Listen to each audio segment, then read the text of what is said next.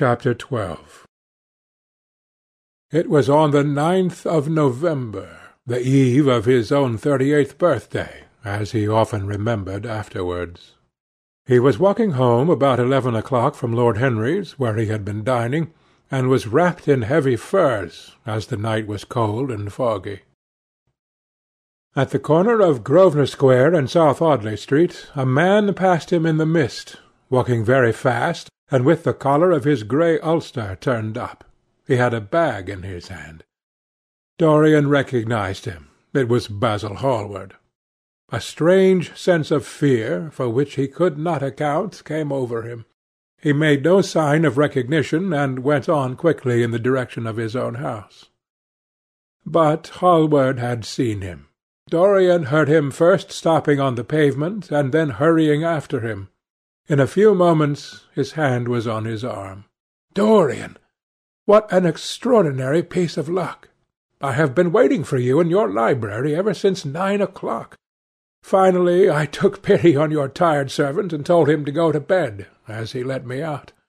I am off to Paris by the midnight train, and I particularly wanted to see you before I left.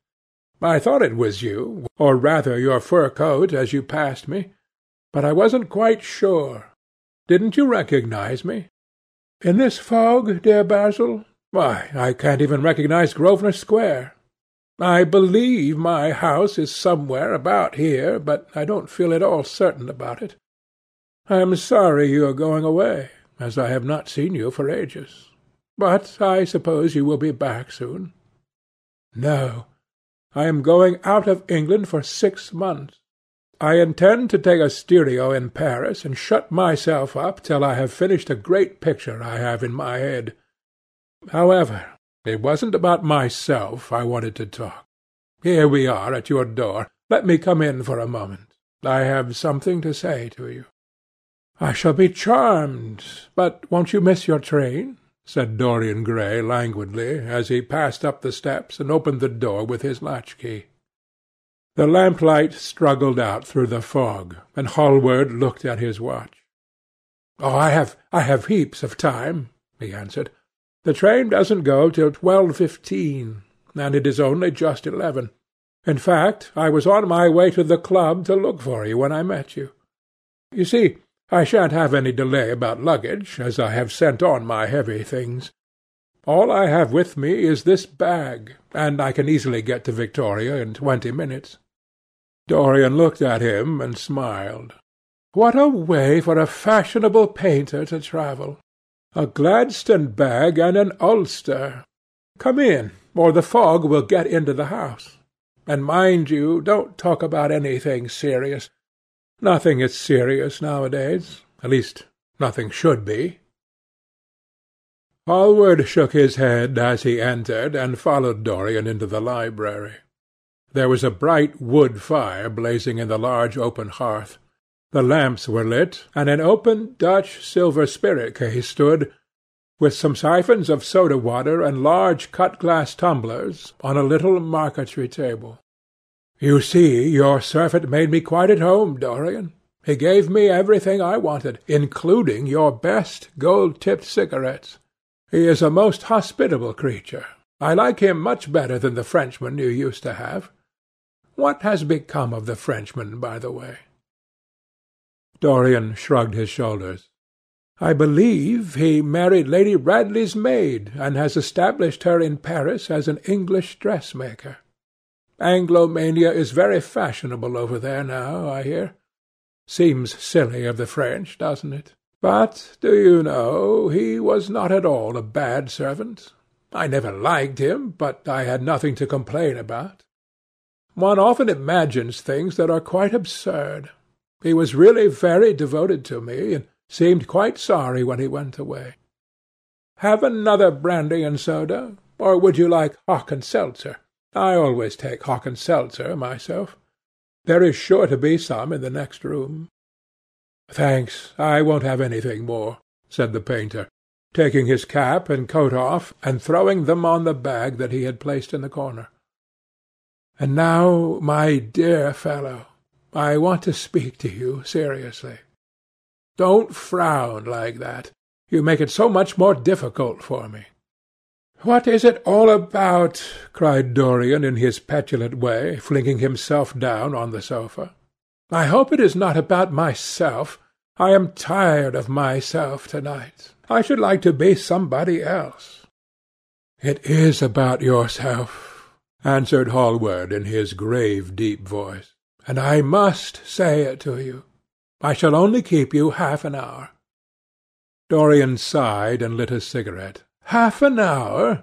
he murmured. It is not much to ask of you, Dorian, and it is entirely for your own sake that I am speaking. I think it right that you should know that the most dreadful things are being said against you in London. I don't wish to know anything about them. I love scandals about other people, but scandals about myself don't interest me. They have not got the charm of novelty. They must interest you, Dorian. Every gentleman is interested in his good name. You don't want people to talk of you as something vile and degraded. Of course you have your position and your wealth and all that kind of thing, but position and wealth are not everything. Mind you, I don't believe these rumours at all. At least, I can't believe them when I see you. Sin is a thing that writes itself across a man's face. It cannot be concealed. People talk sometimes of secret vices. There are no such things. If a wretched man has a vice, it shows itself in the lines of his mouth, the drop of his eyelids, the moulding of his hands even. Somebody, I won't mention his name, but you know him, came to me last year to have his portrait done. I had never seen him before, and had never heard anything about him at the time, though I have heard a great deal since. He offered an extravagant price. I refused him. There was something in the shape of his fingers that I hated. I know now that I was quite right in what I fancied about him. His life is dreadful. But you, Dorian, with your pure, bright, innocent face, and your marvellous, untroubled youth, I can't believe anything against you. And yet I see you very seldom, and you never come down to the studio now, and when I am away from you, and I hear all these hideous things that people are whispering about you, I don't know what to say. Why is it, Dorian, that a man like the Duke of Berwick leaves the room of a club when you enter it? Why is it that so many gentlemen in London will neither go to your house or invite you to theirs? You used to be a friend of Lord Staveley. I met him at dinner last week.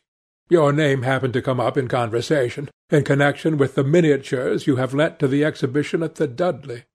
Staveley curled his lip, and said that you might have the most artistic tastes, but that you were a man whom no pure-minded girl should be allowed to know, and whom no chaste woman should sit in the same room with. I reminded him that I was a friend of yours, and asked him what he meant. He told me. He told me right out before everybody. It was horrible. Why is your friendship so fatal to young men? There was that wretched boy in the Guards who committed suicide. You were his great friend. There was Sir Henry Ashton, who had to leave England with a tarnished name. You and he were inseparable. What about Adrian Singleton and his dreadful end? What about Lord Kent's only son and his career? I met his father yesterday in St. James's Street.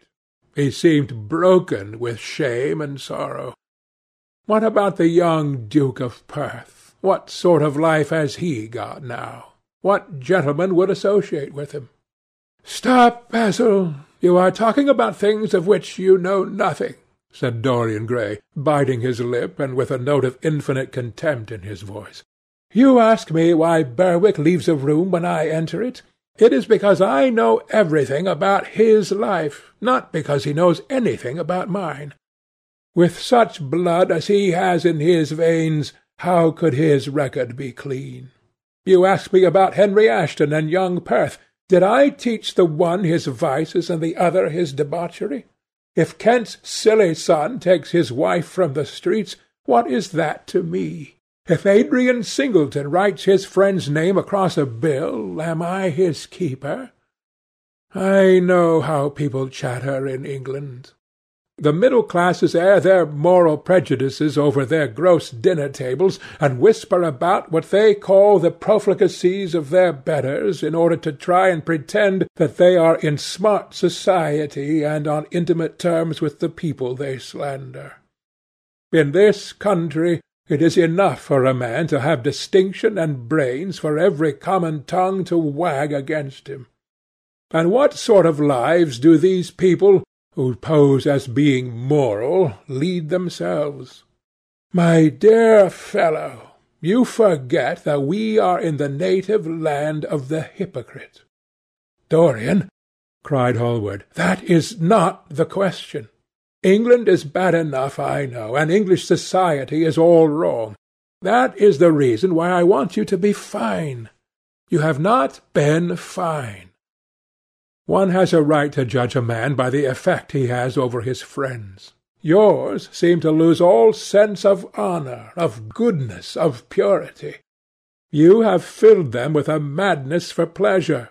They have gone down into the depths. You led them there. Yes, you led them there, and yet you can smile as you are smiling now. And there is worse behind. I know you and Harry are inseparable. Surely for that reason, if none other, you should not have made his sister's name a byword. Take care, Basil, you go too far. I must speak, and you must listen. You shall listen. When you met Lady Gwendolen, not a breath of scandal had ever touched her. Is there a single decent woman in London now who would drive with her in the park? Why, even her children are not allowed to live with her. Then there are other stories, stories that you have been seen creeping at dawn out of dreadful houses and slinking in disguise into the foulest dens in London. Are they true? Can they be true? When I first heard them, I laughed. I hear them now, and they make me shudder. What about your country house and the life that is led there? Dorian, you don't know what is said about you. I won't tell you that I don't want to preach to you. I remember Harry saying once that every man who turned himself into an amateur curate for the moment always began by saying that, and then proceeded to break his word. I do want to preach to you. I want you to lead such a life as will make the world respect you. I want you to have a clean name and a fair record. I want you to get rid of the dreadful people you associate with. Don't shrug your shoulders like that. Don't be so indifferent. You have a wonderful influence. Let it be for good, not for evil. They say that you corrupt every one with whom you become intimate and that it is quite sufficient for you to enter a house for shame of some kind to follow after. I don't know whether it is so or not. How should I know? But it is said of you. I am told things that it seems impossible to doubt. Lord Gloucester was one of my greatest friends at Oxford. He showed me a letter that his wife had written to him when she was dying alone in her villa at Mentone. Your name was implicated in the most terrible confession I ever read. I told him that it was absurd, that I knew you thoroughly, and that you were incapable of anything of the kind. Know you? I wonder, do I know you? Before I could answer that, I should have to see your soul. To see my soul? muttered Dorian Gray, starting up from the sofa and turning almost white with fear. Yes, answered Hallward gravely, and with deep-toned sorrow in his voice, to see your soul. But only God can do that. A bitter laugh of mockery broke from the lips of the younger man. You shall see it yourself, to-night, he cried, seizing a lamp from the table. Come, it is your own handiwork. Why shouldn't you look at it? You can tell the world all about it afterwards, if you choose. Nobody would believe you. If they did believe you, they would like me all the better for it. I know the age better than you do, though you will prate about it so tediously. Come, I tell you, you have chattered enough about corruption. Now you shall look on it, face to face. There was a madness of pride in every word he uttered. He stamped his foot upon the ground in his boyish, insolent manner. He felt a terrible joy at the thought that some one else was to share his secret, and that the man who had painted the portrait that was the origin of all his shame was to be burdened for the rest of his life with the hideous memory of what he had done. Yes, he continued, coming closer to him and looking steadfastly into his stern eyes, I shall show you my soul. You shall see the thing that you fancy only God can see. Hallward started back. That is blasphemy, Dorian, he cried. You must not say things like that. They are horrible, and they don't mean anything. You think so? He laughed again. I know so. As for what I said to you tonight, I said it for your good. You know I have been always a staunch friend to you. Don't touch me. Finish what you have to say. A twisted flash of pain shot across the painter's face. He paused for a moment, and a wild feeling of pity came over him. After all, what right had he to pry into the life of Dorian Gray? If he had done a tithe of what was rumoured about him, how much he must have suffered! Then he straightened himself up, and walked over to the fireplace, and stood there, looking at the burning logs with their frost-like ashes and their throbbing cores of flame. "I am waiting, Basil," said the young man in a hard, clear voice. He turned round. "What I have to say is this," he cried. "You must give me some answer to these horrible charges that are made against you.